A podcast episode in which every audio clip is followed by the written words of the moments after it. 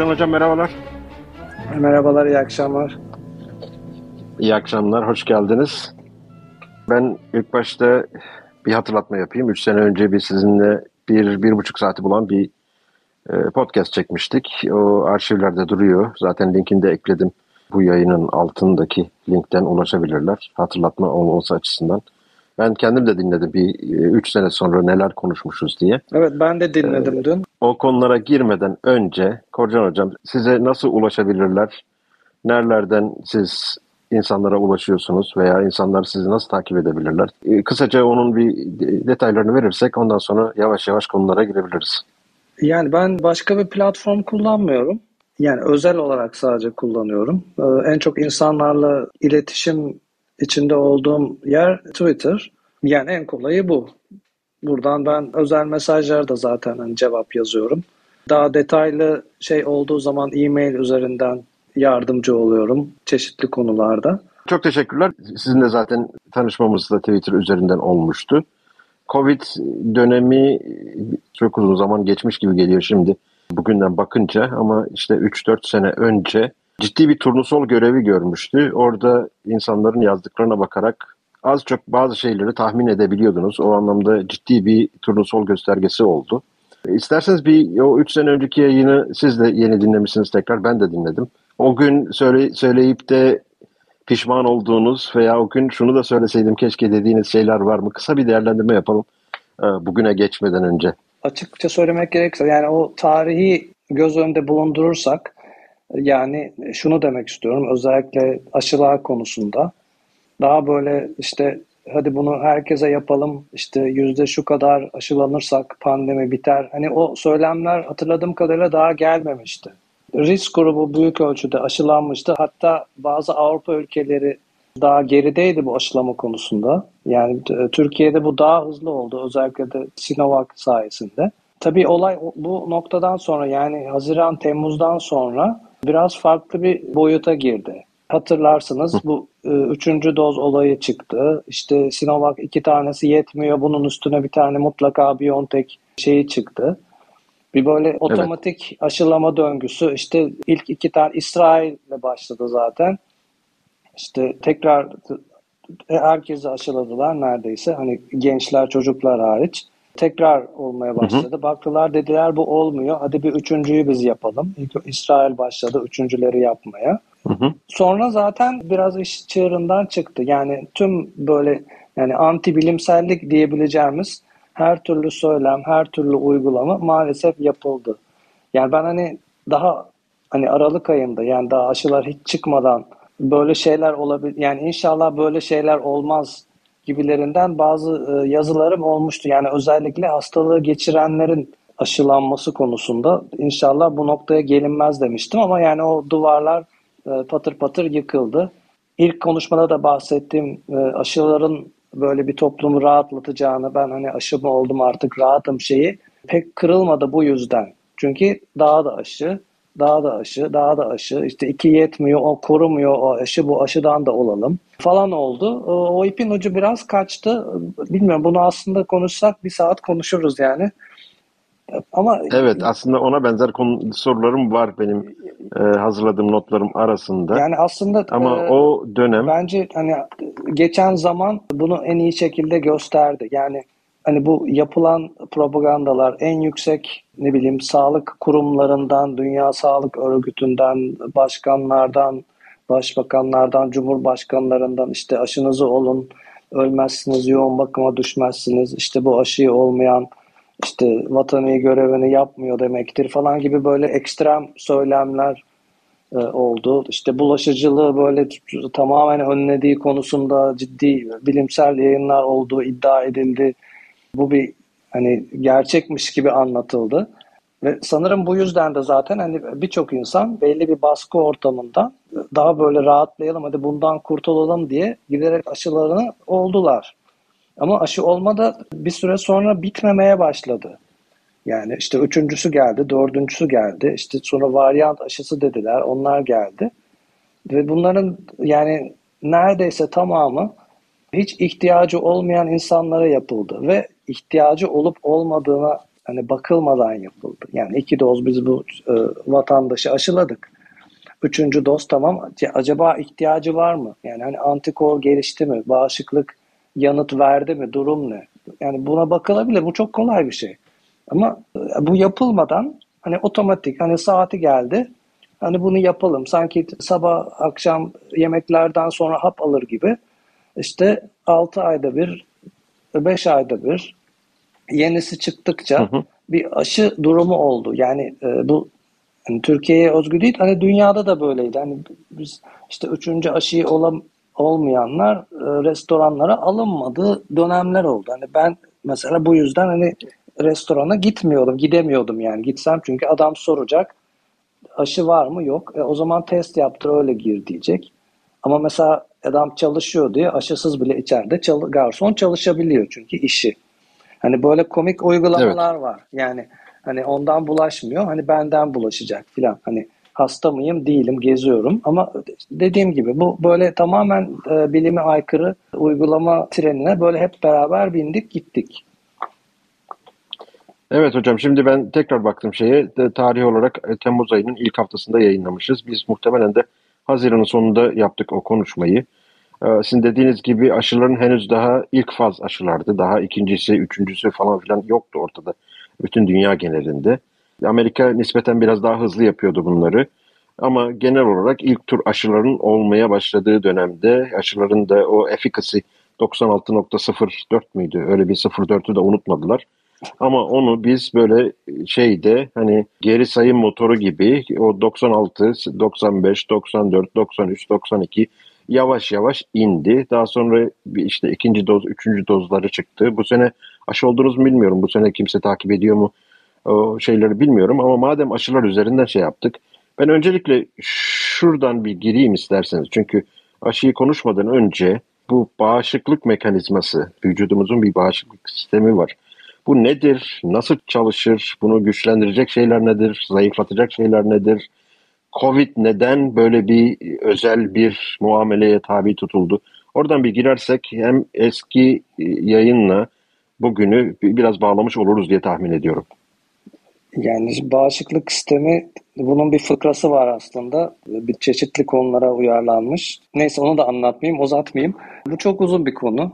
Çok basit olarak söylersek iki ayağı var bağışıklığın. Bir doğuştan gelen bağışıklık yani evrimsel olarak e, bizden e, geliştirdiğimiz birçok çeşitli bakteri, virüse bu patojenin kendisinden bağımsız olarak bunların yüzeyindeki bazı böyle patern diyebileceğimiz bazı özel şekiller, bakterilere özgü, virüslere özgü bunlara karşı böyle bir genel yanıt şeklinde doğuştan gelen bağışıklığımız var. Bir de hayatımız boyunca karşılaştığımız ve her bir patojene özel ayarlanabilir, uyarlanabilir bağışıklığımız var. Bunlara karşı antikor üretiyoruz. Özel işte T hücreleri geliştiriyoruz. Sadece belirli e, virüslere veya belirli bakterilere e, karşı e, savaşma, hızlı yanıt verme potansiyeli olan. Şimdi bunu hemen söylerken şunu söyleyeceğim. Pandemi, bir pandemi durumu için bir numaralı şart vücudumuzun tanımadığı yani uyarlanabilir bağışıklığın daha önce karşılaşmadığı bir patojenin insan nüfusu içinde hızlı bir şekilde yayılması. Daha önce karşılaşmamış olmak neyi getiriyor? Vücudun buna hızlı yanıt vermesinin önüne geçiyor. Yani şimdi bu yeni bir koronavirüs olduğu için bizim de vücudumuz yani dünyadaki hiç kimse bu yeni koronavirüsün yapısıyla karşılaşmamış. Kimse de buna karşı antikor yok aslında diyeceğim ama aslında olduğu da gösterildi. Bunun sebebi de daha önceden bilinen 4 adet e, mevsimsel koronavirüse benzeyen parçaları var. Aynı aileden oldukları için. Yani hiç koronavirüsle karşılaşmayan insanların bazılarında daha ilk ben bunlarla zaten yazmaya başladım. Yani 2020'nin Mayıs ayında, Haziran ayında böyle bunlar keşfedilmeye başlandı. Bazı insanlar da çok fazla antikor görüldü. Niye? Çünkü önceden tanıdığı için ikinci kez geldiğinde çok hızlı bir yanıt vermiş. Çok hafif hastalığı geçirmiş hı hı. ama yani hiç normalde olmayacağı kadar antikor var veya bu virüse özel T hücreleri var. Bölünmüşler, artmışlar. Çünkü daha önceden bildikleri için hızlı bölünmüşler. Yani onlara bir e, bu aşının birinci, ikinci dozu gibi düşünürsek e, siz birinci dozu yapıyorsunuz hasta olmuş birine. O ikinci doz gibi çalışıyor. Daha önceden hastalığı geçirmiş olduğu için. Söylemek istediğim şu, pandemi olması için sıfırdan yeni bir virüsün, yeni bir patojenin hani gelmesi gerekiyor. Yani onun için mesela e, grip, yani bana sorarsanız grip pandemisi olması imkansız. Çünkü şu an dünya üzerinde hani grip olmamış insan hani yoktur.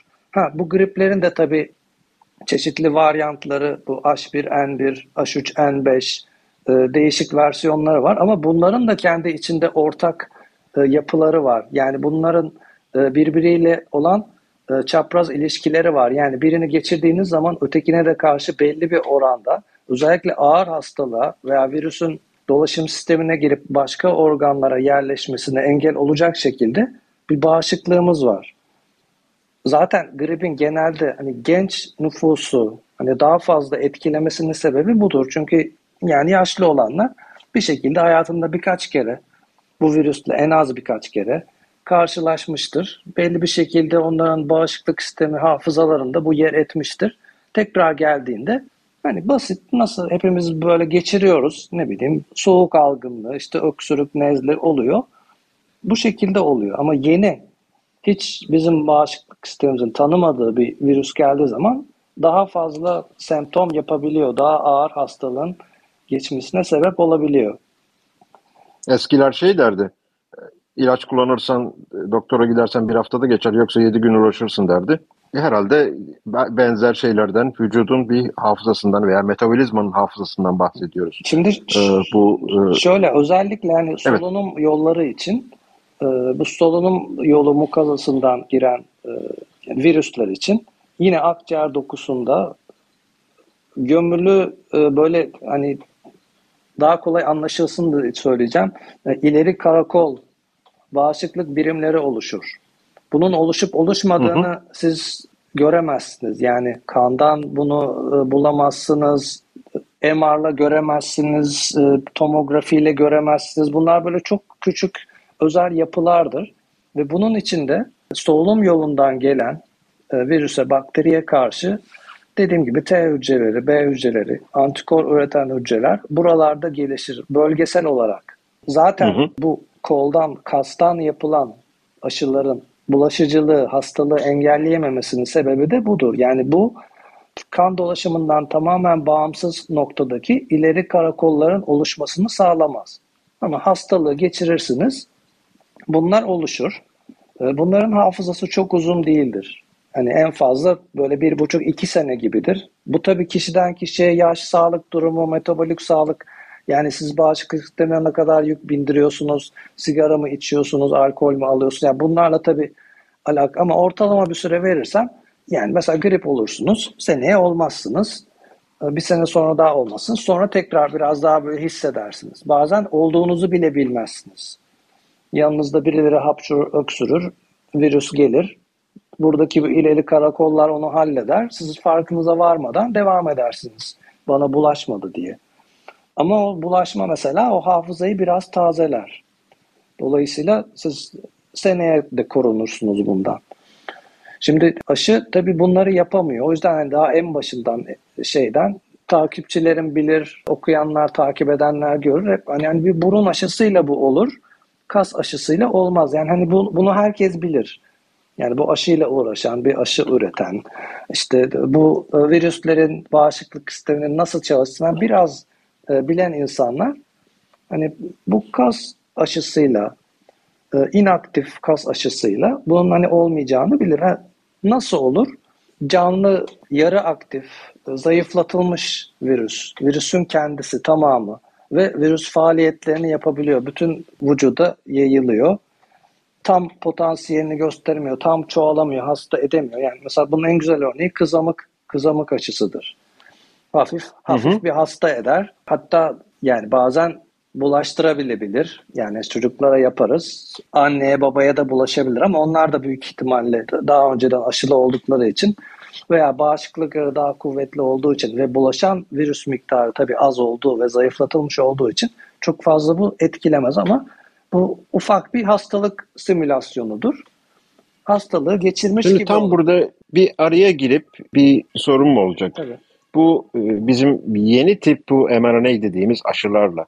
Sizin bahsettiğiniz kızamık aşısı eski tip aşılar. Evet. Şimdi o yeni tip, eski tip benim e, burada avam dilimi hoş görün. E, belki bunun daha böyle fancy bir karşılığı var. O herkes böyle biliyor. Bunların temel temel işleyiş farkı ve fayda, zarar, risk açısından en önemli farkları nelerdir? Yani bu bu da çok uzun bir konu ama ben en önemli farkları altını çizmen altını çizmeniz açısından soruyorum. Eski tip aşılar ki Sinovac zannedersem eski tip aşıydı. Evet. Bu mRNA dediğimiz Pfizer, Moderna bunlar yeni tip aşıydı. Bunlar aynı şekilde mi çalışıyor? Ve bunların hani faydası, işleyişi, avantajı, dezavantajı, riski, uzun vadeli etkisi, bilinmeyen etkileri, nerelerde bilgi eksikliğimiz var.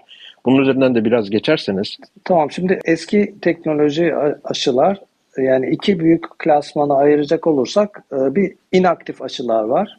Yani kimyasal metotlar kullanarak virüs öldürülüyor, donduruluyor ve bunun klinik deney aşamalarında kaç tane virüs parçacığı hani enjekte edersek vücudun iyi bir bağışıklık yanıtı tetikleyeceğini dozlarını değişik dozları deneyerek bunu oturtabiliyoruz ve hani vücuda verdiğimiz virüs bakteri hani örneğinin miktarı hani belirlenmiş oluyor, sabit oluyor. Yani bağışıklık sisteminin. Bunlar da tabii hani bilgilerimizin içinde bunlar hani 50 yıllık bilgiler. Yani bağışıklık sisteminin vücuda verilen bir şeye reaksiyon göstermesi için belirli aralıkta bir dozda olması lazım. Hani bunun fazlası veya azı e, çalışmanın etkinliğini düşürüyor. Mesela ikinci dozunun verilme aralığı, eğer üçüncü gerekiyorsa onun verilme aralığı. Bunlar genelde daha uzun olur. Yani şimdi bu e, pandemide yapılan yani en ilk hata bu e, aşıların arasını 3 hafta 4 hafta tuttular. Şimdi bu bu yani bağışıklık sistemi açısından bu yanlış bir uygulama. Bunu bir tek İngiltere yapmadı. İngiltere şöyle yapmadı. Dedi ki yani elimizde sınırlı aşı var. Hani daha üretimi hızlandıramadık. Büyük hacimli yapamıyoruz. Biz daha çok kişiye tek doz yapalım. Hani tek dozu da bunun hani yeterli koruma sağlıyor diye yaptılar ve ikinci dozu 3 ay sonra yaptılar ve bu şekilde aşı olanlar çok daha fayda gördüler bu aşılardan. Arası uzun olduğu için. Bir kere yani aşıya karşı hangi aşı olursa olsun aşıya karşı herhangi bir reaksiyon veya e, vücudun bir ters cevabı olduğu zaman bunun düzelmesini beklemek lazım. Şimdi böyle 3 hafta sonra 4 hafta sonra da bu tip şeyleri yani aşıdan olmamıştır deyip hani devam edildi. Yani bunların yayınları var bir sürü yani bizim üniversiteden hastaneden çıkan yayınlar var. Yani şimdi adama aşı yapıyorlar. Adam hepatit benzeri bir e, karaciğer e, enflamasyonu oluşuyor. Ha, bu aşıdan değildir hı hı. diyorlar. Zamanı geldiğinde pat aşısını yapıyorlar. Daha kötü oluyor. Ö- ömür boyu bu adam şimdi e, bağışıklık baskılayıcı hani ilaç kullanmak zorunda. E, bağışıklık sistemi karaciğerini tamamen yok etmesin diye. Yani şimdi hani bunlara dikkat edilmedi. En kötüsü bu. Bu yani yeni aşı eski aşıyla alakalı bir şey değil. Sık aşı yapmak, aşıyı yaptık, ne dediler? İki hafta siz aşısızsınız. Yani o iki hafta içindeki problemler hep aşısız bir insanın problemi gibi e, değerlendirildi. Ve o kadar çok aşı yaptılar ki zaten bu, bu kadar çok insan hani takip edebilmek imkansız.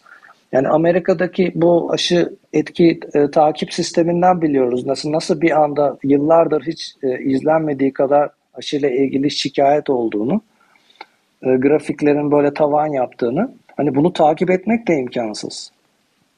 Diğer yandan yeni bir teknoloji daha önce hiç yapılmamış insanlara. Geniş boyutlarda. Hiç yapılmamış. Klinik çalışmada yapılmış. Yani nispeten seçme insanlar. Yani deneye katılmak isteyen bu gönüllüler hani seçildiği zaman hani belirli koşullarda insanları seçtiler. Daha böyle sağlıklı, daha hani problemi olmayan yani normal e, aşılamaya başladıkları zaman 80 yaş üstü, 70 yaş üstü giderek böyle düşerek yaş aşağı inerek geldi. Ama çalışmalara bakarsanız onun içinde hiç e, bu kadar böyle yaşlı, bu kadar çok hastalığı olan, değişik kilo aralığındaki insanlar yok. Dolayısıyla bu aşının yani yeni aşının klinik çalışması da biraz aceleye geldiği için tam uygulanacağı topluma uygun değildi ilk aşamada. Şimdi burada iki tane soru aklıma geldi benim. Bir tanesi bir, sizin bahsettiğiniz durumu Türkçe'de ne diyorlar bilmiyorum ama bilimsel alanda external validity meselesi. Yani buradaki bizi, sizin sample'ınızdan çıkardığınız sonuçlar dışarıdaki şeye, popülasyona daha geniş şeye tam olarak uygulanabilir mi veya bu sor şeyler sonuçlar orada da beklenebilir mi şeklinde. Burada ciddi bir problem olduğunu ben hissediyorum sizin söylediklerinizden. Burada bir problem var. İkincisi de hemen buraya bununla ilgili söyleyeyim. Bir de bir şey hı. daha var. Özellikle yani Pfizer'ın böyle olduğunu biliyoruz. Klinik deneyler için yaptığı üretim aşı üretim teknolojisiyle normal onayı aldıktan sonra yüksek hacimli üretime geçtiğinde kullandığı üretim teknolojisi aynı değil. Yani test edilmemiş bir üretim teknolojisi aslında kullanıldı. Ve bununla ilgili e, onay makamlarına ek bilgi sağlanacağı işte ve işte bunun bir farklılık yaratmayacağı filan yönünde açıklamalar var. Bu hiçbir zaman bunun üzerine bir bilgi eklenmedi. Ve dolayısıyla şunu biliyoruz hani takip yapılmadı. Çünkü çok fazla insan aşıladılar. İşte o sırada hastalık zaten yüksek insidansa ilerliyordu. Yani yaygın da hastalık. E, aşı oluyor, hasta oluyor. Hastalıktan mı oldu, aşıdan mı oldu? Böyle tam bir katakulli oldu. Ve yani ben biliyorum hani e, ben bile hani e, aşı karşıtı oldum. Yani aman işte hani dikkat, evet. dikkat edelim yani işte bakın hani bu teknoloji yeni daha hani bilmiyoruz bunu. Hiç böyle uygulayıp da böyle bunun üzerinden şey yapmadık. Çünkü tekrar sizin sorunuzu ben atladım ama ikinci sorunuzu sorayım isterseniz veya devam edin. Ee, ikinci sorum da şuydu. Şimdi özellikle bilimsel alanda, bilimsel çalışmalarda aşılılar ve aşısızlar arasındaki farklara baktığı, bakılan araştırmalarda şöyle bir durum vardı. Aşılılar aşıdan sonra iki hafta, üç hafta aşısız sayıldıkları için e, yapılan örneklemlerde de bunlar e, yani burada herhangi bir yan etki görüldüyse mesela aşı olduktan bir hafta sonra bu aşısız gruba dahil olduğu için aşılılar ve aşısızlar arasındaki yan etkiler hemen hemen benzer çıkıyordu. Dolayısıyla bu aşının bir yan etkisi yok diyor. Yani e, ben e, dışarıdanım. Benim tıp eğitimim yok. Bunu sadece dışarıdan amatör olarak takip ediyorum. E, okumaya çalışıyorum, araştırıyorum. Siz de biliyorsunuz. Burada e, durum ne aşamada şu anda? Yani gerçekten Orada crystal clear bir şekilde biz bu e, örneklemleri ayırabiliyor muyuz? İki grup arasında karşılaştırma yapabiliyor muyuz? Veya bu test şeylerinde veya bu sonuçları birbiriyle karşılaştırırken aşısızlar gerçekten aşısızlar mı yoksa bürokrasi bunları aşısız saydığı için mi o grupta yer alıyorlar? Bu, bu konuda da net bir şekilde en azından beni tatmin edecek bir şey açıklamanız olabilir mi? Aslında olamaz. Yalnız şunu söyleyebilirim. Yani çok büyük bir klinik deney yapıldı. 20 bin aşı grubunda, 20 bin placebo grubunda, 22 bin civarı. Bununla birlikte hemen yaklaşık 2 ay sonra e, buradan işte bu meşhur %95 sonucu çıktı. Aslında yani bu 44 bin kişinin sadece yüzde yarım yani hani binde beş yani binde beşi virüsle karşılaşmıştı. Ee, aşı olan tarafla aşı olmayan taraf arasındaki farka baktığımız zaman bu 44 bin sayısının da verdiği şeyle 22 binerin verdiği şeyle bu %95 gibi bir rakam çıktı. Bunun örneğini hep ben şöyle veriyorum. Hani iki partili bir seçim yapıyoruz. Bin tane sandığımız var. Beş tane sandığı açıyoruz. Diyoruz ki bir %95 parti oy aldı. Tamam diyoruz bu parti kazandı. Yani daha öteki sandık öteki sandıklar açılmadı. Öteki sandıklar daha açılmadı. Yani ne demek? Hani aşıladık. Neye karşı aşıladık? E, virüse karşı. E, virüs nerede? Yok. Yani hani işe yaradı mı, yaramadı mı? Hani bilmiyoruz. Bilmiyoruz. Yani böyle 95 böyle çıktı. Yani herkes de bunu söyledi. Büyük insanlığın işte başarısı virüse karşı, pandemiye karşı hop bir senede aşı yaptık. Çok çok etkili yaptık ama bir kere iki ay geçmiş zaten üstünden. Yani hani bunun şeyini de bilmiyoruz. İlk defa yapılmış bir teknoloji. Yeni bir koronavirüs. Daha önce koronavirüs aşısı yok. Eski o bahsettiğim dört tane mevsimsel sürekli dönen koronavirüslere karşı da bir aşı yok. Ve bunun yapılmama sebepleri de belli. Çünkü hastalığın aşılı hayvanlarda daha sert olduğunu görüyorlar. Bunun da sebebi belli. İşte normalde virüsün giremeyeceği hücrelere bu aşıdan sonra oluşan antikorlar yüzünden bağışıklık hücrelerine girip virüsün hastalığı o şekilde yani bağışıklık sisteminin çalışmasını bloke ederek daha şiddetlenmesini sağladığı ortaya çıktı.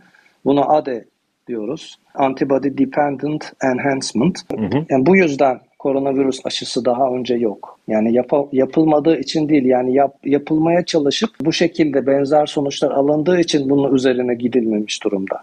Şimdi bu et, yan etkilerden veya beklenmedik şeyi de, etkilerden şeyi de veya söyleyeyim, şeyi de söyleyeyim. Ee, evet, Şimdi buyurun. bu tabii hani çok çok tehlikeli bir hastalık. Koronavirüs aman filan e, dönemlerindeyiz. E, aşı çalışması şimdi 22 bin kişiyi tabii aşısız bırakmak olmaz. Pat bunları da aşıladılar. Ne oldu deney? Deney bitti. Kontrol grubu kalmadı deneyin. Yani hani neyi neyle karşılaştıracağız? Hani bu aşı acaba bir var mı 6 ay sonra, bir yıl sonra hani bir, bir insanlarda bir şey olacak mı? Çünkü bunu bilmiyoruz. Niye bilmiyoruz? Çünkü bu hani hesapta kas içinde kalacaktı. Başka hiçbir yere gitmeyecekti. Birkaç günde bu mRNA'lar hemen ortadan kaybolacaklardı. Spike'a dönüşeceklerdi. Vücutta buna reaksiyon gösterecekti. Yani teorik olarak hani çok güzel bir senaryo. Ama böyle olmadığını gördük. Hı hı. Yani 6 ay sonra baktılar ki ya bu adamın hala vücudunda mRNA'lar geziyor. Spike proteinler var. Niye acaba? Şimdi böyle şeyler olmaya başlandı. İşte çok böyle didik didik araştırıldı. mRNA'in e, anne sütünden bebeğe geçtiği bile gösterildi. Yani bunun bir anlamı var mı yok mu? Hani e, bunun üzerine gidilmedi ama sansasyonel şeyler bunlar. Ama geçti mi? Geçti. Var mı? Var. Bir de bunun üzerine ne çıktı? Long Covid çıktı. Heh. E, herkes aşı oldu. Şimdi siz oraya geçmeden önce long covid üzerinde biliyorum konuşacaksınız. Evet. Etkileri ve mRNA'in özellikle riskleri ve etkileri konusunda bir sorum olacak long covid'e geçmeden önce. Bu mRNA dediğimiz aşıların ben hani çok fazla böyle conspiracy teori şeyine girmek istemiyorum ki neyin conspiracy neyin gerçek olduğunu da artık ayırt edemiyoruz.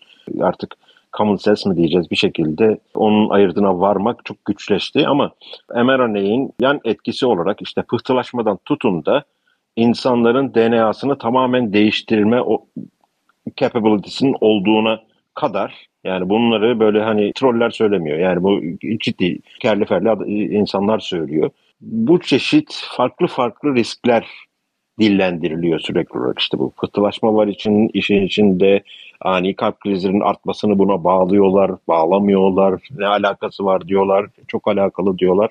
İşte geçen de e, şey yaptığımda, birkaç gün önce şey yaptığımda insanların içine gir yani bu mRNA'lerin toplam buradaki var olan DNA'in insanın DNA'ini tamamen replace etmesi ve insanın DNA'sını değiştirmesi ki bu hani Mengele çok masum kalır herhalde bunun yanında. Ciddi bir şekilde insanların DNA'sını değiştirebilme capability'si var mı? Yani bu neredeyiz burada? Bu şeyde bu yan etkiler konusunda çok mu abartılıyor? Gerçek payı var mı? Yoksa bilinmezlik içinde miyiz? Bunların hepsi ihtimal dahilinde mi? Burada biraz daha bir net bir şey söylemek mümkün mü? Yani net olarak şunu söyleyeyim. Yani DNA'yı değiştirme dediğimiz şey yani ben mümkün değil diyeceğim. Yani çok çok çok düşük ihtimalle hani başka şeylerin olması lazım. Yani başka tip o hücrenin içinde e, bu DNA'ya entegre olabilme özelliği taşıyan başka bir virüs olur. Bu koronavirüs bu aşıdan sonra bu içine bu mRNA girer. Onun o virüs içeride aktive olup da e, bu DNA'ya kopyalanma mekanizmaları çalışırken araya spike mRNA karışır filan. Bunlar yani çok olası değil. DNA durumu. Şimdi burada DNA ile ilgili şöyle bir sorun var. Dediğim gibi bu ilk klinik deneylerden sonra üretim şekli değiştirildiği zaman aşının e, hücre kültüründe hani hücrelere bu mRNA ürettirildi. Aşının içine koyulacak şey bir hücre kültürüne hücrelere üretiliyor. Ondan sonra bunlar tabi hücreler ölüyor. Virüsler içine giriyor bu hücrelerin. Çoğalıyor, çoğalıyor, çoğalıyor mRNA yapıyor, yapıyor. Ondan sonra bunun tabii hücreler ya öldürülüyor ya kendi içinde çok fazla mRNA olduğu için kendileri e, ölüyorlar.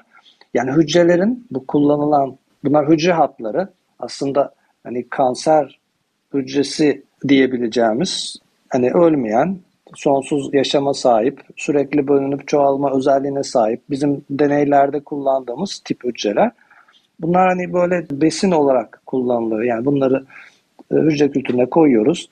Üstüne e, virüslerimizi koyuyoruz. İşte bu virüs önce yani içeri giriyor. Sonra dediğim gibi üretiyor. Bunu temizlediğimiz zaman bütün bu e, hücrelerin de DNA'ları veya bizim ilk kullandığımız virüsün genetik tabi ayarlamışız hangi mRNA'yı ürettirecek filan bunların içinde genetik mühendislik sonucu belli yapılar var. Bütün bu yapılar bu çorbanın içinde. Bunun %99'u mRNA aşı için kullanılacak. Bunun çok iyi filtrelenmesi bu atık DNA'ların, e, hücre partikül parçacıklarının yani her şeyin bundan ayıklanması lazım. Şimdi bu ayıklanma, temizlenme ve bunun kalite kontrol aşamalarında problem olduğu ortaya çıktı. Yani bir Danimarka çalışması var. Üç farklı tip böyle batch dediğimiz üretim, üretim sonucu elde edilmiş grup aşılama karşılaştırıldı. Bir tanesinin içinde çok fazla miktarda bu kontaminant şekilde bu DNA'ların yani hücre kültürü atıklarının girmemesi gereken kadar girdiğini ve bu aşıları olan kişilerde çok daha fazla yan etki olduğu üretildi. Kimileri çok temiz, pırıl pırıl. Onlarda hiçbir problem olmuyor. Şimdi bu aşı hazırlama ve içerikle ilgili bir şey. Bunun dışında diğer en büyük problem bununla ilgili. Aşılama sırasında kasın içinden e, bir şekilde kana karışması bu mRNA'nın ve vücutta nereye gitti, gideceğini bilemememiz. Yani bu kasta kalıp kastaki hücrelerin e, spike üretip bağışıklık sistemini bu hücreleri öldürüp e, bizim hafıza, bağışıklık hafıza oluşturmamıza dayanan bir şey. Ama şimdi aşıladık işte kasta kalmadı dışarı sızdı bir yere gitti.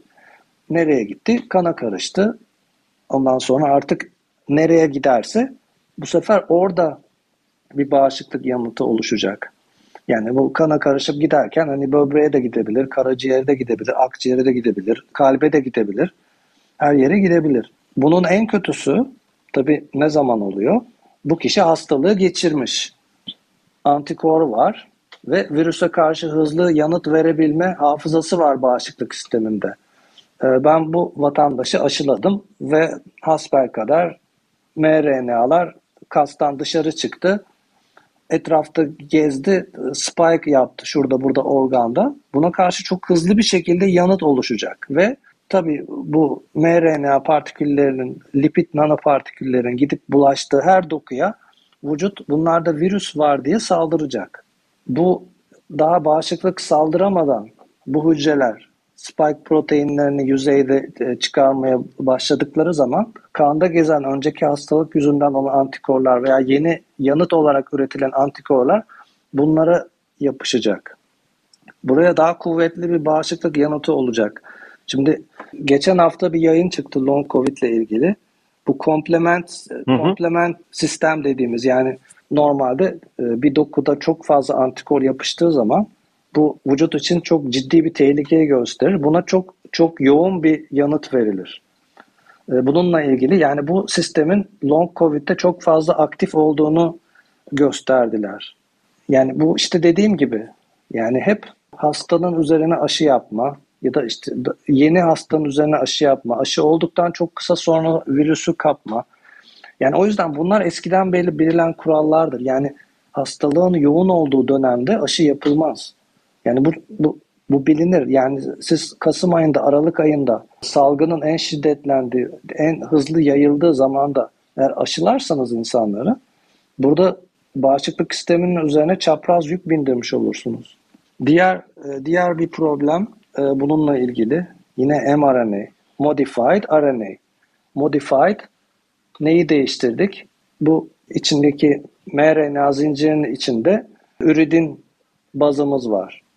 Bunu pseudo üridin yani üridin değil de yalancı üridin. Şimdi bu aşılardaki modified RNA bu. Bunlar değişti. Bunu niye de, hı hı. bunu niye değiştirdiler?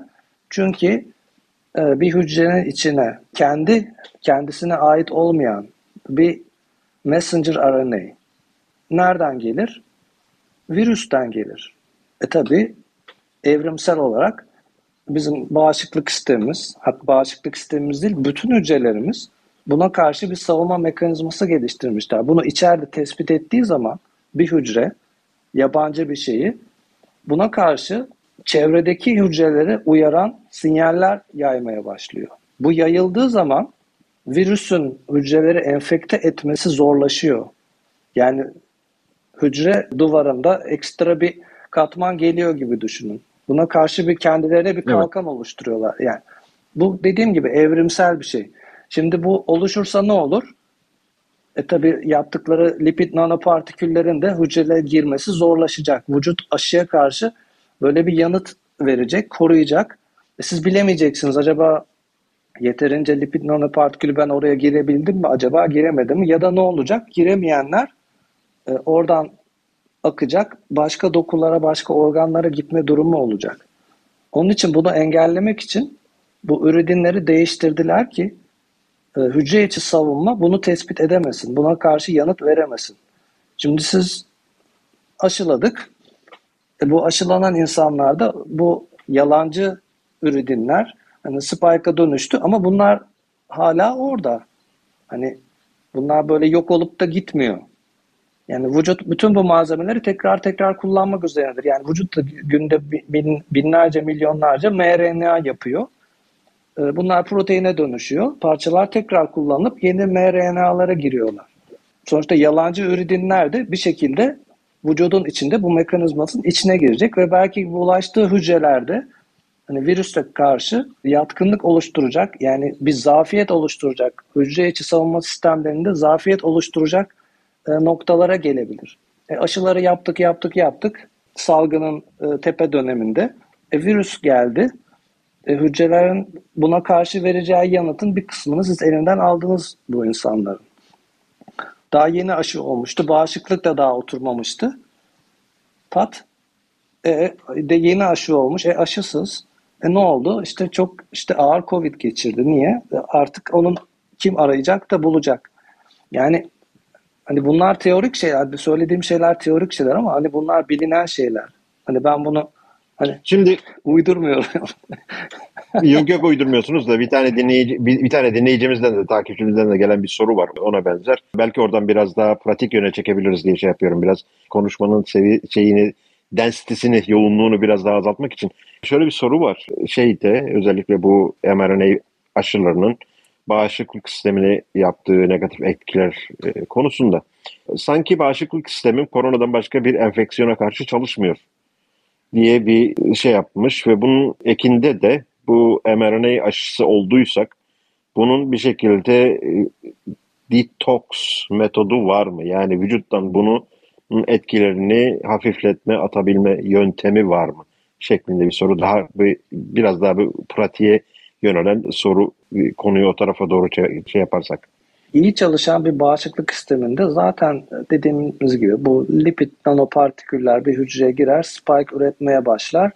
Vücut bunu virüs girmiş bir hücre olarak değerlendirir ve öldürür. Yani o virüs fabrikasını halleder.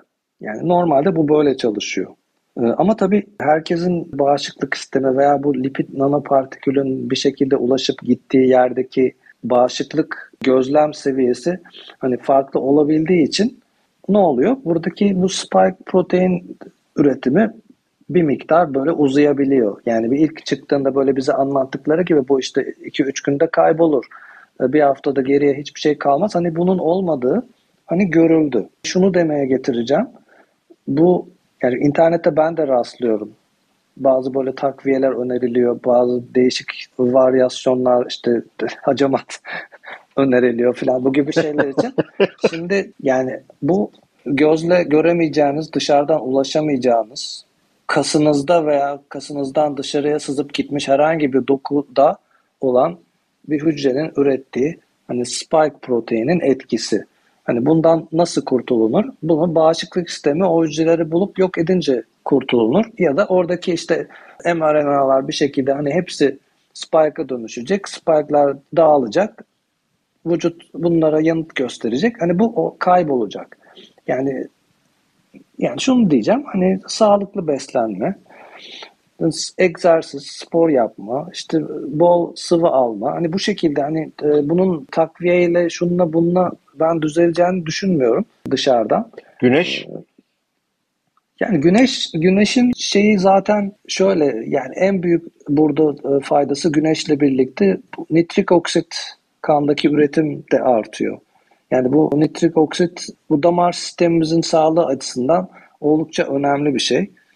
Yani zaten hani hani e, güneş girmeyen eve doktor girer. Hani bu e, birisinin hani uydurduğu falan bir şey olduğunu ben düşünmüyorum. Bunlar yıllara dayanan gözlemler. Yani bir açık havada şöyle güzel bir güneş görmek kime iyi gelmez onu bilemeyeceğim. Ama hocam tabii. Şimdi biraz teknik şeyden e, çıkıp biraz daha Covid bizim hayatımızı nasıl değiştirdi veya Covid'den bugün elimizde ne kaldıya biraz daha bakmak istiyorum. Bu aşılardan konuştuk. Aşılarda hedeflenen e, sürü bağışıklığıydı. Herhalde onun bağışıklık kısmını hallettik ve sürü ortaya çıkardık.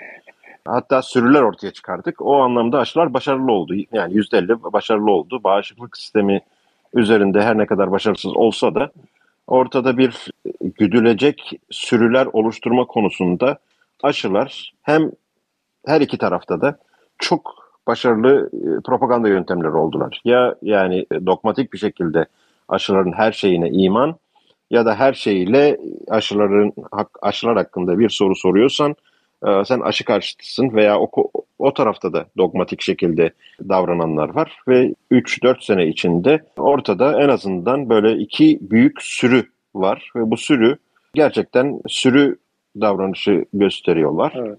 Bu sürülerden bir tanesi de bilimsel camia.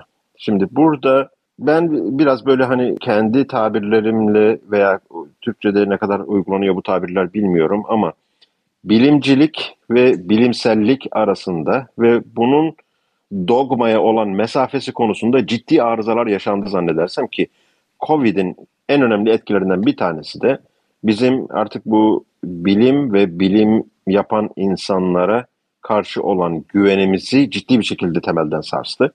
Artık kimse bilim adına bir şey söyleyen, gerek olumlu gerek olumsuz, gerek doğru gerek yanlış bir şey söyleyen hiç kimseye kimsenin bir saygısı kalmadı bir şeyde.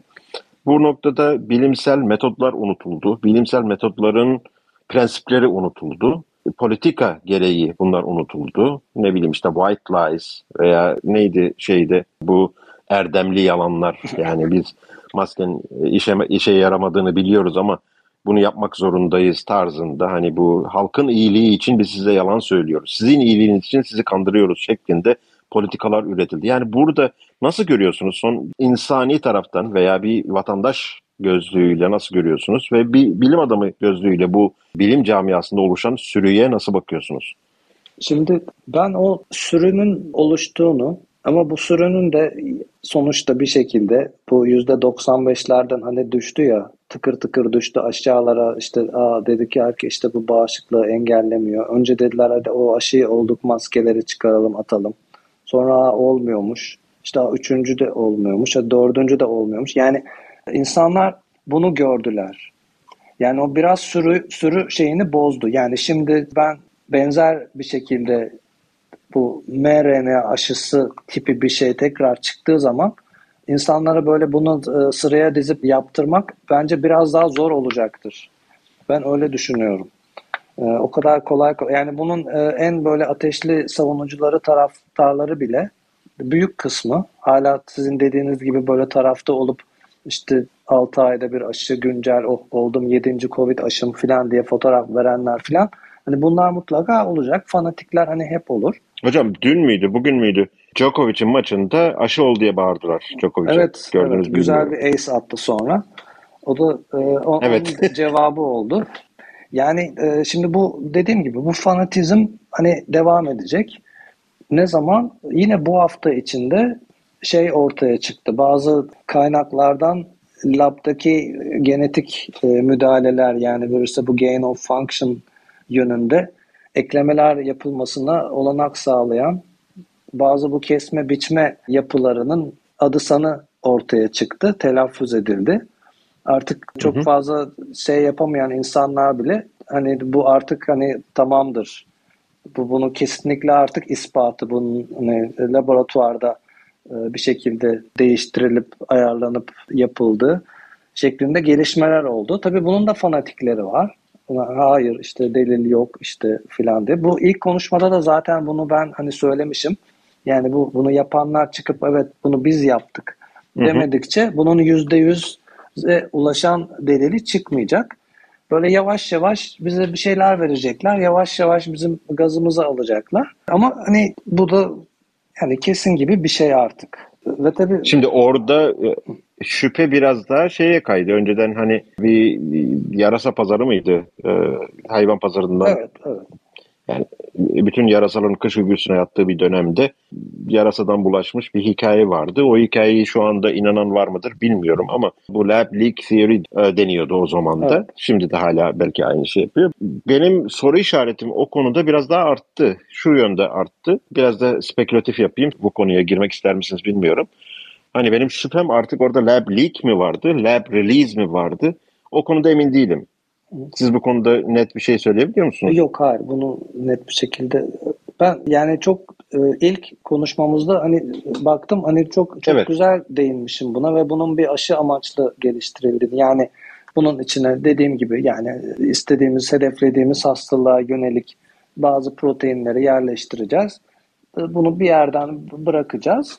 Bu böyle zaten yayılırken hani nasıl şimdi bütün dünya mesela o 20 yıl önce çok ciddi neredeyse bulaştığı işte herkesi öldüren SARS mesela. Şimdi hepimiz mesela SARS'a karşı aşılandık. Şimdi SARS dönse çıksa mesela SARS pandemisi olmaz. Niye? Çünkü SARS-2 bize onun çok benzer bir şekilde aşısını yaptı hepimize.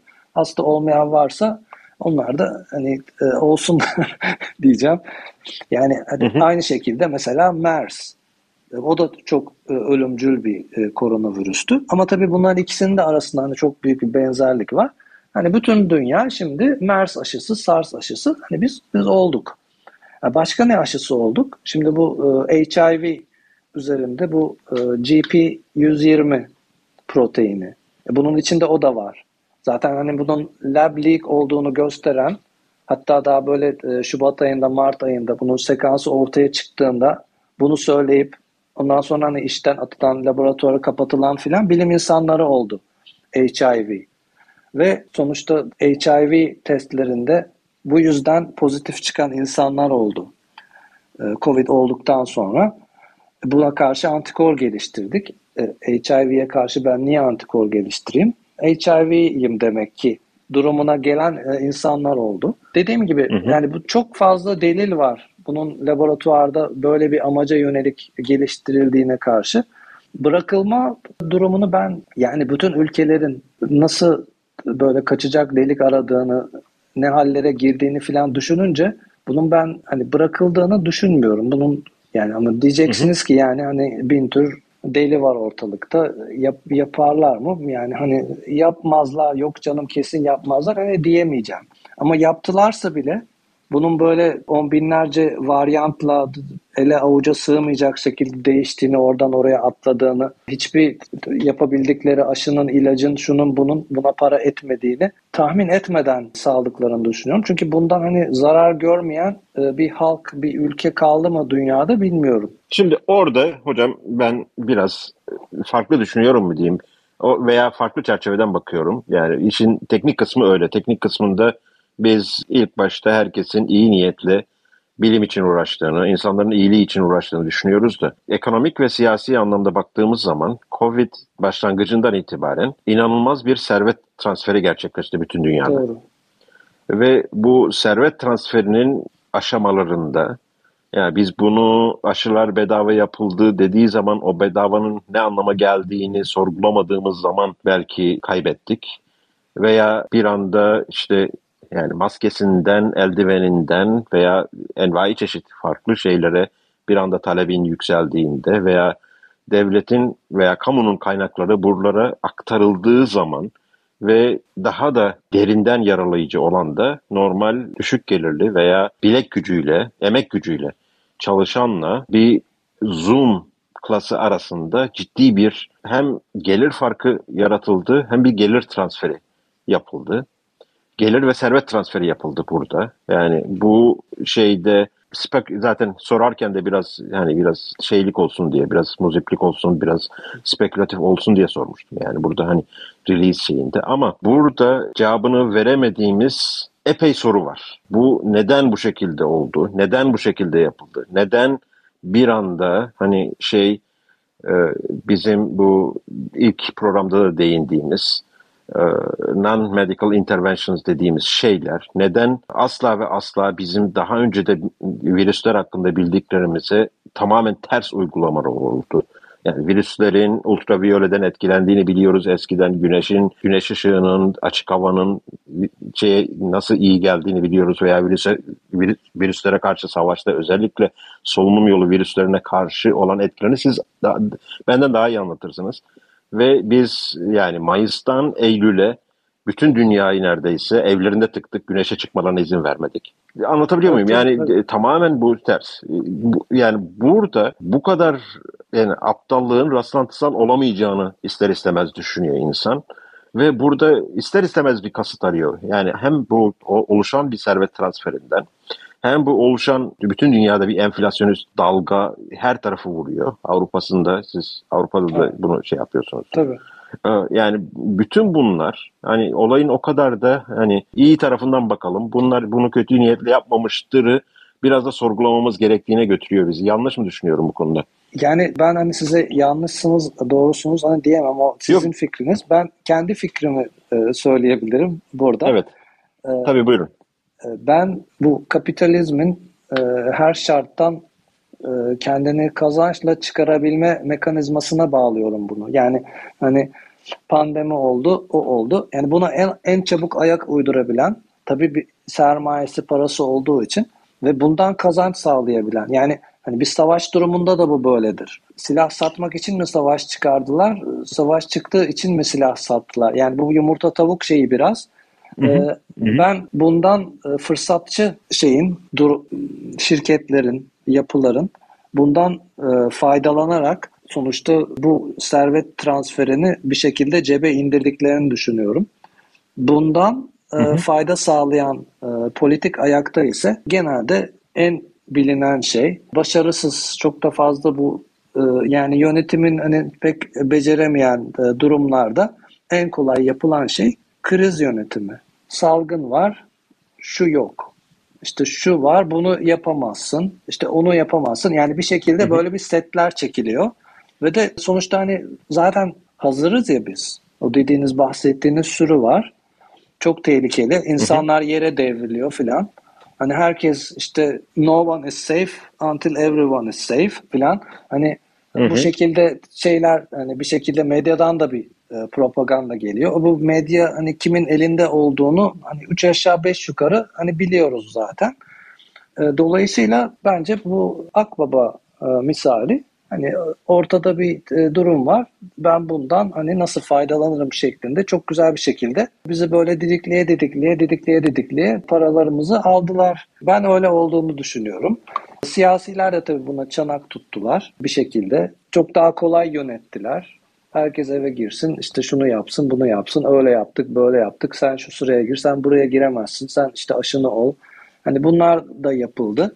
Ve de bu bir test gibi de oldu aslında. Yani biz hani ne kadar bu insanlara bir şeyler yaptırabiliyoruz, ne kadar yola sokabiliyoruz, neye geliyorlar. Hani bunun da böyle bir testi oldu aslında. Ben pek memnun kalmadım Şimdi... bu testten ve de hani iyi görmedim e, insanlığın gidişatını. Ama bilmiyorum. Yani şimdi Disease X Plan diye bir şeyler daha da çıkardılar. Bir çoraplar örülecekmiş gibi geliyor.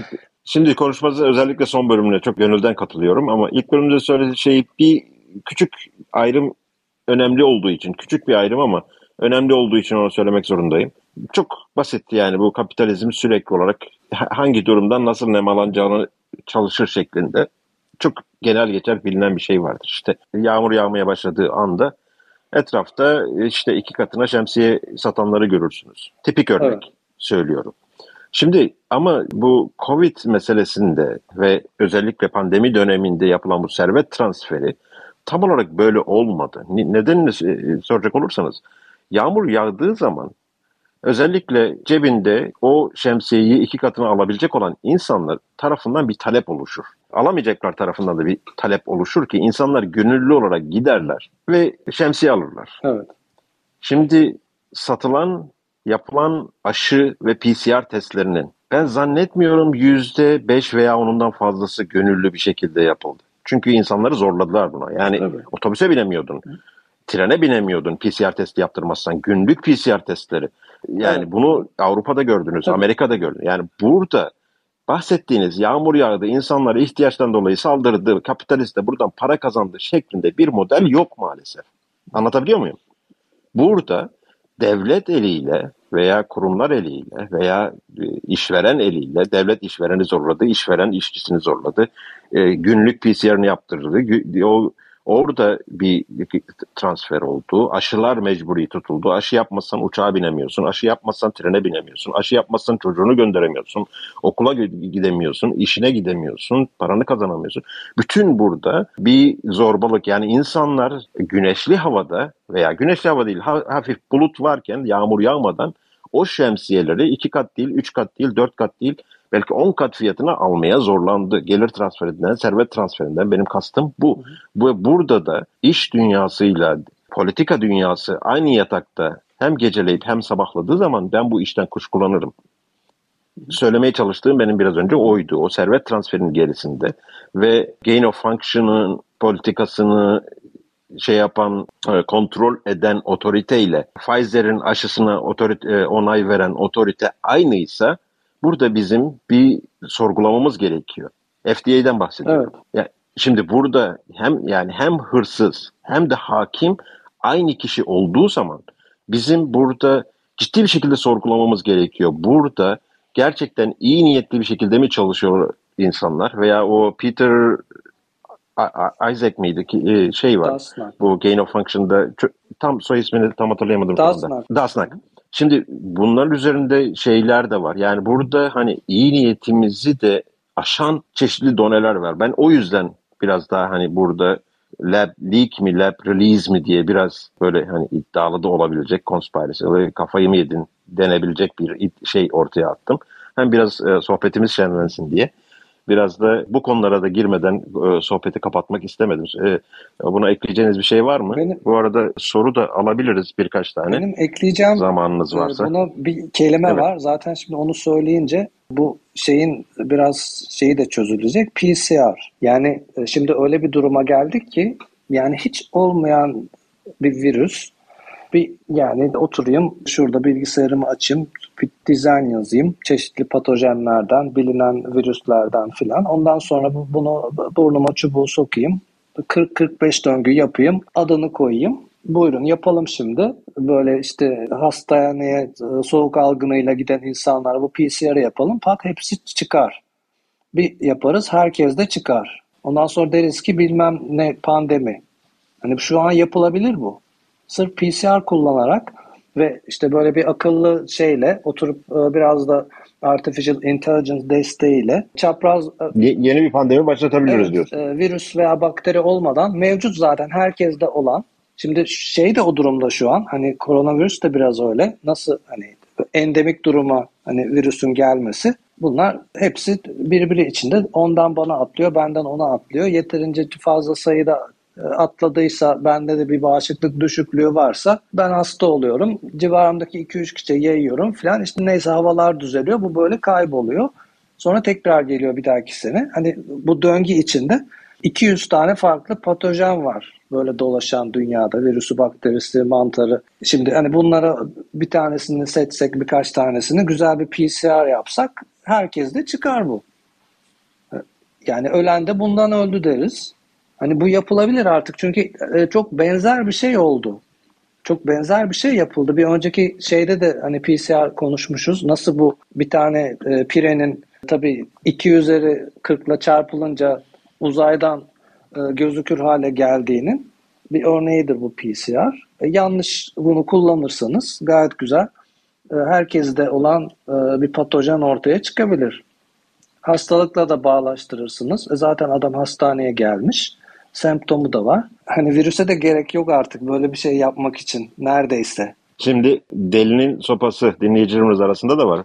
Ee, uzun zamandır takipleştiğim bir kişi sahadan tıp alanında. Onun söylediği e, bir şey var not olarak ilettiği. Enfeksiyona klinik yaklaşım olarak bir milat kabul edilecek süreçte gerek laboratuvar gerek sahadaki pratik düşünce değişimlerimiz dahi 10 program, programlık tartışma mevzusu çıkarabilir diye not düşmüş. Evet. Kendisi isterse burada söz de verebilirim kendisine daha detaylı konuşmaya da sohbete dahil olacaksa. Ama burada gerek laboratuvarda, sizin laboratuvarda aktif bir şekilde çalışmalarınıza devam ettiğinizi biliyorum. Gerek de sahada, gerek yani bunun hastanelerde şeyde ne tarz bir değişim oldu? Yani burada hep olumsuzu ben dikkat çekmek istemiyorum olumlu yönde de bir şeyler oldu mu? Biraz önce bir şeyler söyledin. Eğer doğruysa bu ben bunu bir kazanç olarak şey yapacağım. Yani artık herkes hani aşı olun e, veya o sürü mantalitesine herkes girmez. Herkes artık e, akıllandı biraz. Aynı şeylere kanmaz e, şeklinde şeyler söylediniz. Doğru olduğunu umarak katılacağım size. Bu tarz belirli, belirgin değişimler oldu mu? Gerek sahada gerekse laboratuvarda. Bu bilimsel titizlik olabilir veya hastalıklara yaklaşım olabilir. Şimdi şöyle söyleyeyim. Bir kere şu oldu. Şimdi bu aşılar konusunda özellikle aşıların etkileri veya işte problemleri konusunda yayın yapmak çok zordu. Ben bu tip çalışmalar hazırlayıp dergilere gönderip işte ya biz bunu basamayız şimdilik hani durum böyle hani kusura bakmayın diye e, editörden reddedilen hani yayınlar olduğunu biliyorum. Böyle meslektaşlarım var. Ama yavaş yavaş şimdi artık böyle vaka raporlarıyla bu böyle şey yoğun bir şekilde yapılmaya başlandı. E, buradan bir şey çıktı ve zamanında hani buna karşı durabilen çok fazla bilim insanı, doktor da yoktu. Bunların sayıları da biraz arttığını düşünüyorum ben. Yani Hani bu kadar kolay artık e, bence insanlara evet hemen işte olun onu da olun bunu da olun şunu da aşı olun evet siz de olun işte 4 hafta geçmiş işte 6 ay geçmiş yenisini yaptırın. Hani bunun bu kadar böyle tabi bilemiyorum bu da belki benim biraz böyle pembe gözlük şeyim. Ben insanlarda biraz böyle bir buna karşı bir böyle işkillenme durumunun olduğunu düşünüyorum. Bunun tabi ters etkisi de var. Hani biz şimdi 3 sene sonra, 5 sene sonra, 10 sene sonra hani e, önümüze nasıl bir şey çıkacağını da bilmiyoruz. Onun için böyle böyle beton gibi durmamak lazım. Yani burada e, elastik olmak çok önemli. Yani mesela ilk yayında da belirtmişim. Yani hani böyle hani çocuğu etkileyen, çocuklara yönelik problem yaratabilecek bir şey olsa yani ilk hani koşa koşa gidip ben çocuğuma aşıyı yaptırırım. Hani bunları değerlendirmek lazım. Yani hastalık ne kadar tehlikeli? Ve de bu, bu hastalığın hani ne kadar tehlikeli olduğunu medyadan takip etmemeyi bence artık öğrendik. Hani e, daha farklı kanallardan da bilgi almak lazım. Mesela bilimsel yayınlar bence bu konuda daha iyi. Çünkü aynı bilimsel yayını internet sitesi alıyor. İşte e, böyle korkunç boyalarla, e, şekillerle şey yapıyor, anlatıyor. Bunlara da yani bu tip sitelere falan da dikkat etmek lazım. Yani e, otopsi yayınını diyor işte koronavirüs işte beyni etkiliyor. Herkesi dikkat. Hani bu tip haberlerin durumu biraz kötü. Bunlara karşı hazırlıklı olmak lazım ama karşımıza hani ciddi bir hani gerçekten tehlikeli bir virüs de gelebilir. Hani daha yeni mesela Çin'den bir yayın çıktı. E, pangolinden virüsü alıp e, insanlaştırılmış hücrelerde e, pasaj yapmışlar. E, bütün enfekte ettikleri şeyleri e, fareleri öldürmüş beyin iltihabından. Bütün deney hayvanları ölmüş. Şimdi böyle bir virüs var laboratuvarda çalışıyorlar, yayınını yapıyorlar.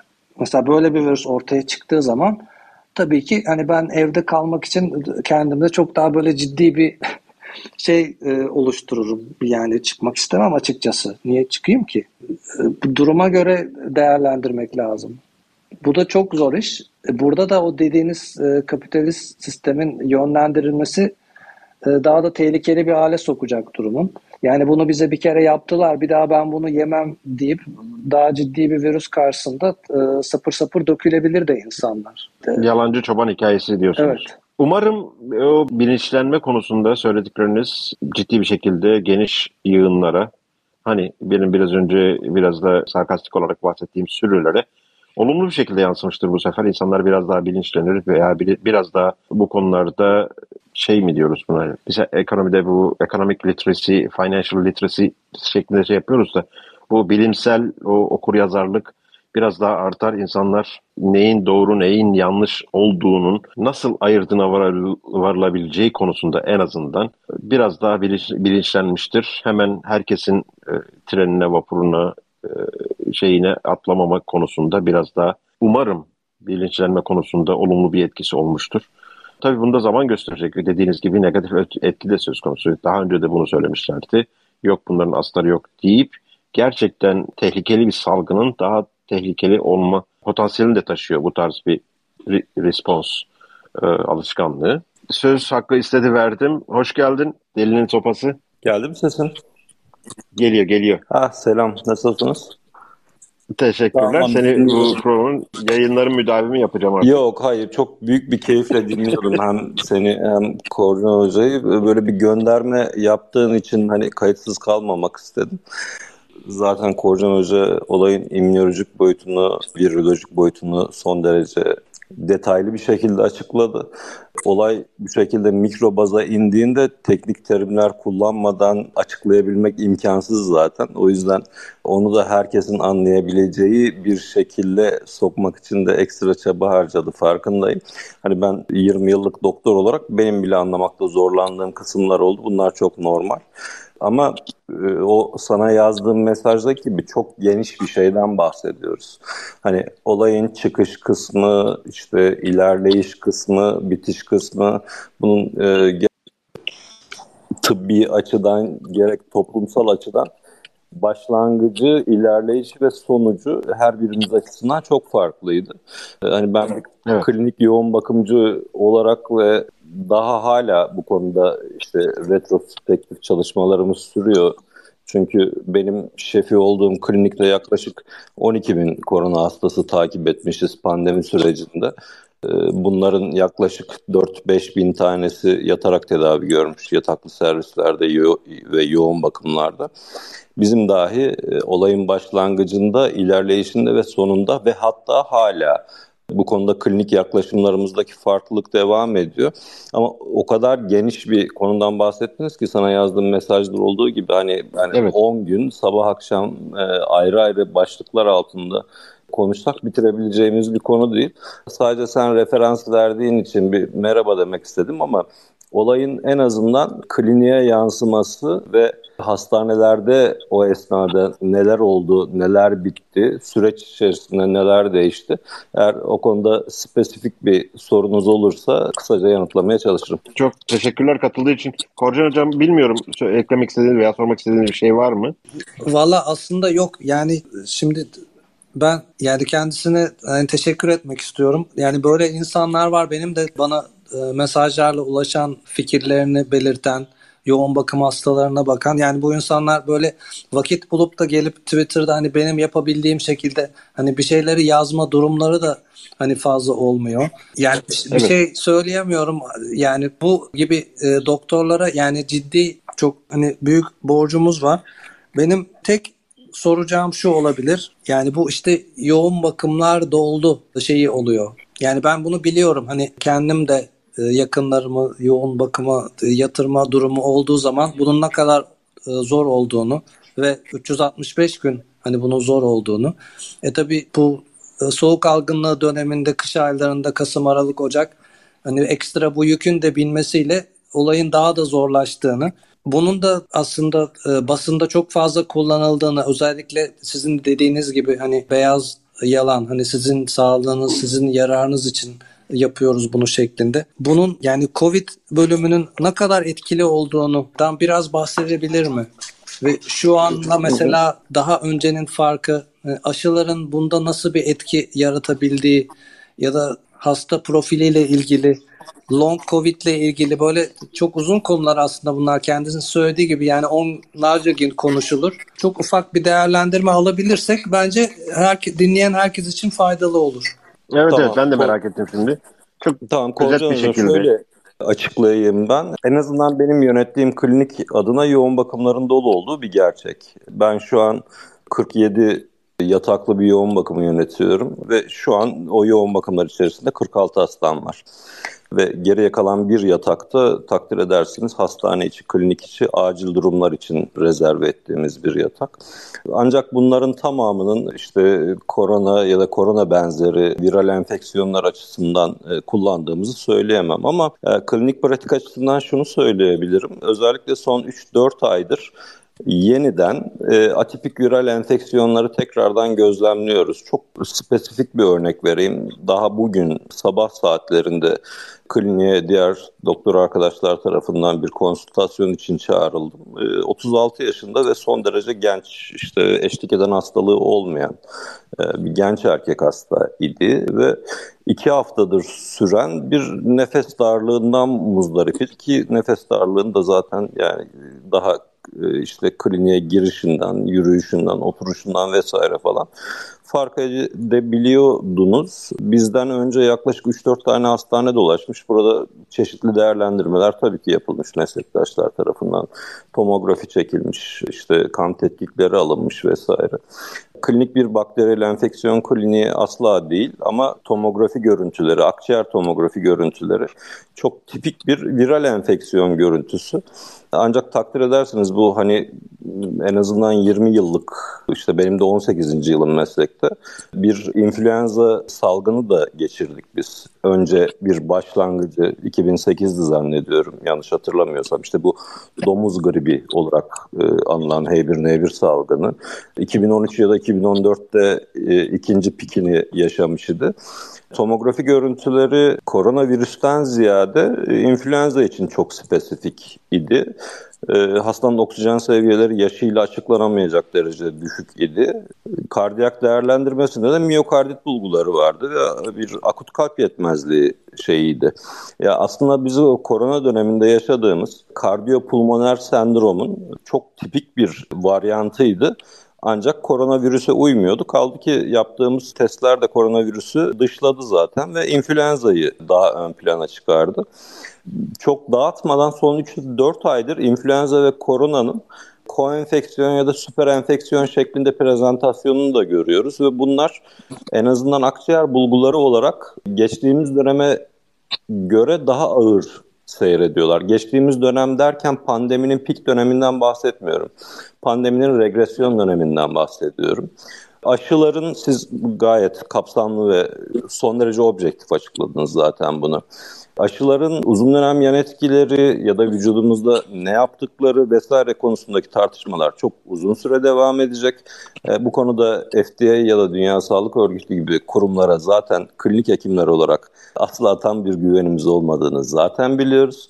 Aşıların pandemiyi sönümlediği kesin ancak uzun dönemde nelere yol açacağı konusunu bu, bunu gerçekten zaman gösterecek ama viral enfeksiyonların birlikte koenfeksiyon ya da süper enfeksiyon şeklinde prezente olduğu yeni bir döneme giriyoruz gibi gözlemliyorum. Bu, bu benim tamamen kendi kliniğimde olan şey, kendi gözlemim.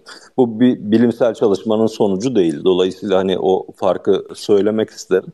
Ancak ben son bir aydır özellikle akciğer ya da kardiyak bulgularıyla birlikte seyreden viral enfeksiyonları son bir buçuk yıldır ilk defa bu kadar sık görüyorum. Biraz yoğun bakımdaki dolulukların sebebinin de bu olduğunu düşünüyorum açıkçası. Çok teşekkürler. Ben de çok teşekkür ederim.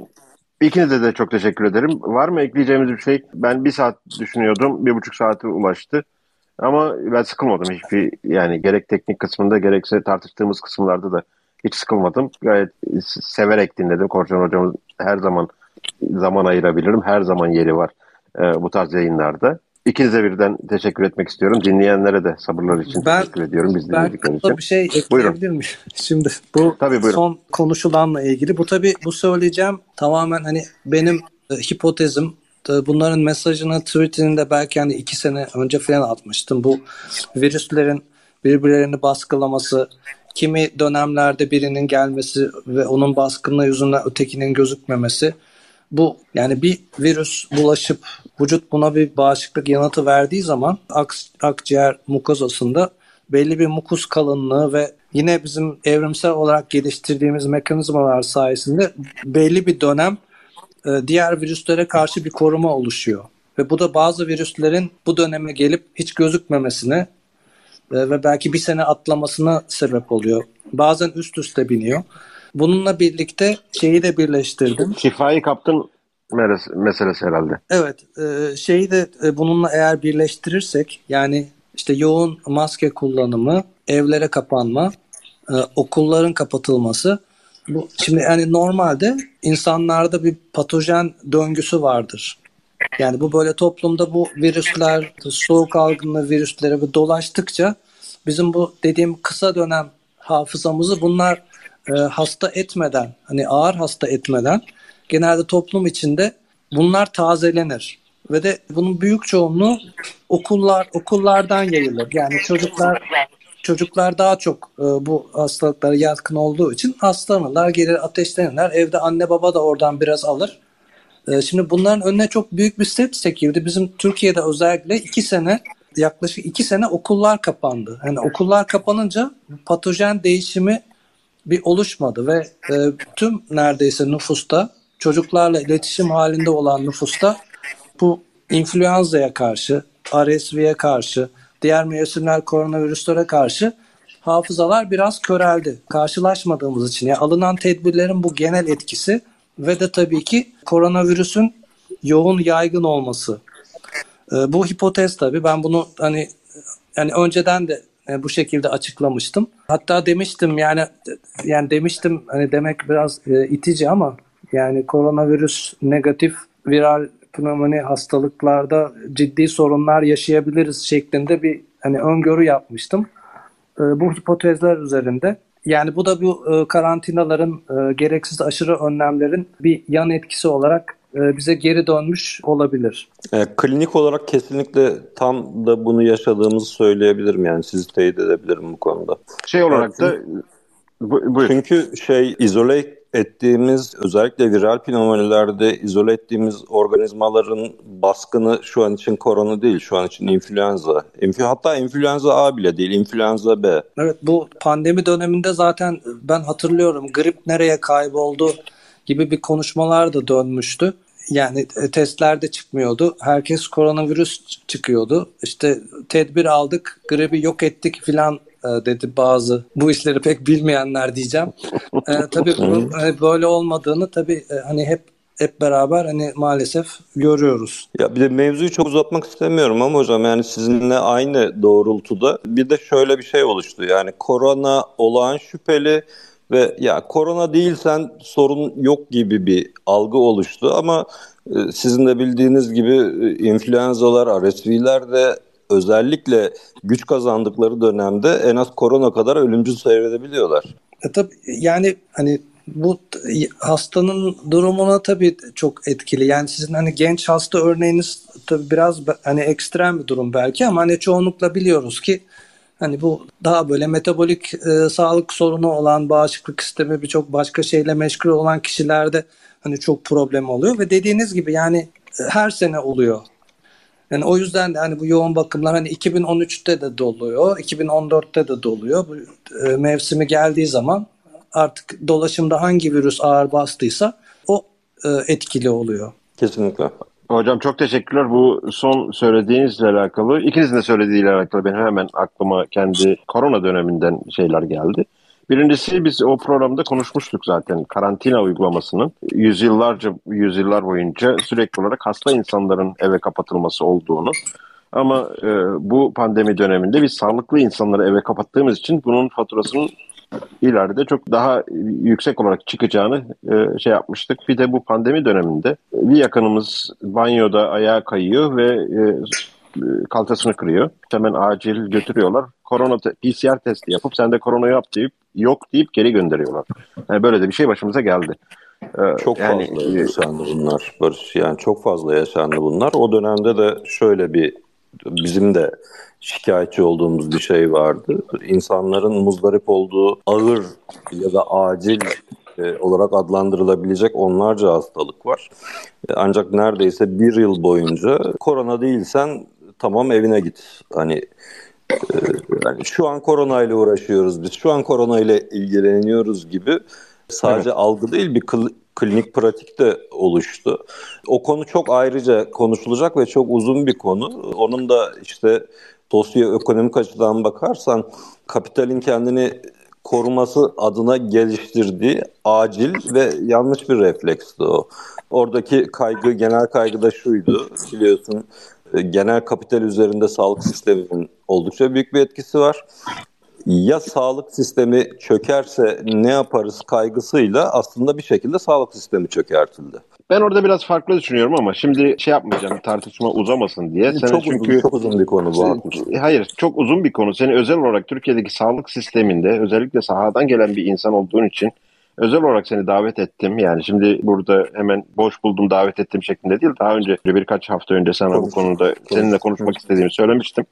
Dolayısıyla seninle öyle bir sözleşmişliğimiz var. O konuyu biraz oraya erteleyelim. Bu biraz farklı düşünüyorum o sağlık sistemi konusunu biraz daha detaylı konuşursak orada belki daha detaylara gireriz. Ama tartışmayı uzatmak uzatmamak için burada çok böyle detaylandırmadım ama dediğinde haklılık payı kuşkusuz var. Biraz daha detaylandırmak lazım o konuyu. Bir de konu çok geniş. Yani burada gerek medikal tarafta, gerek bilimsel tarafta, gerek kamu yönetimi veya kararlar nasıl alınır? Kararları kim alır, kim uygular? Bunların denetlemesi nasıl yapılır? Bunlar burada çıkar ilişkisi nasıl gösterilir, nasıl e, engellenir? Bütün bunlarda inanılmaz yani derslik olaylar yaşadık. Özellikle pandemi döneminde ve pandemiden sonra hala yaşıyoruz. Şey altında e, yorgan altında kalmış, karanlık altında kalmış, hala gölgede kalmış birçok konu var. Bir tanesi işte virüsün nereden çıktığı, bunu kimin fonladığı, bu tarz şeylerde nasıl bir delil bulursak biz evet doğrusu buymuş diyebileceğimiz konusunda bile soru işaretlerimiz var, anlaşmazlıklarımız var. Bu konu hani çok dallı budaklı bir konu. Bir buçuk saat içinde bu kadarını tartışabildik. Sizin ekleyeceğiniz bir şey varsa e, son olarak ben ikinize de söz vereyim. Ama ben çok memnun oldum ikinize de konuşmaktan, ikinize de e, bu konuları konuşmaktan. Bu yayının işe yarar kısımlarını yani bu yer, e, yayının özellikle o teknik aksaklıktan dolayı o şey yapmamışı taraflarını kesip Substack üzerinden yayınlamayı düşünüyorum. Sizin de bir itirazınız olmazsa buna ki dinleyiciler daha sonra dinleyebilsin. Belki e, ileride tekrar başka bir yayında buluştuğumuz zaman da buna referans verebiliriz. Buyurun son sözlerinizi e, toparlamak için size bırakayım.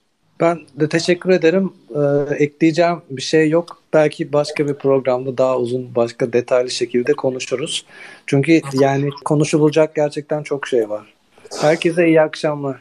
Ya ben de 2000 o 2021'de Korcan Hoca ile yaptığımız şeyi o dönem sosyal medyam e, olmadığı için e, denk gelmemiştim. Bugün sen paylaştıktan sonra dinledim. Çok keyifliydi. Bugün de dinlemek çok keyifliydi benim için. Çok da şey kendime bir şeyler kattım. Çok teşekkür ederim. Çok teşekkürler tekrar. Ee, herkese iyi geceler. Bizi nereden dinliyorsanız. Dinleyicilere de sabırları için teşekkür ederiz. Bir sonraki yayında görüşmek üzere diyeyim. İyi geceler.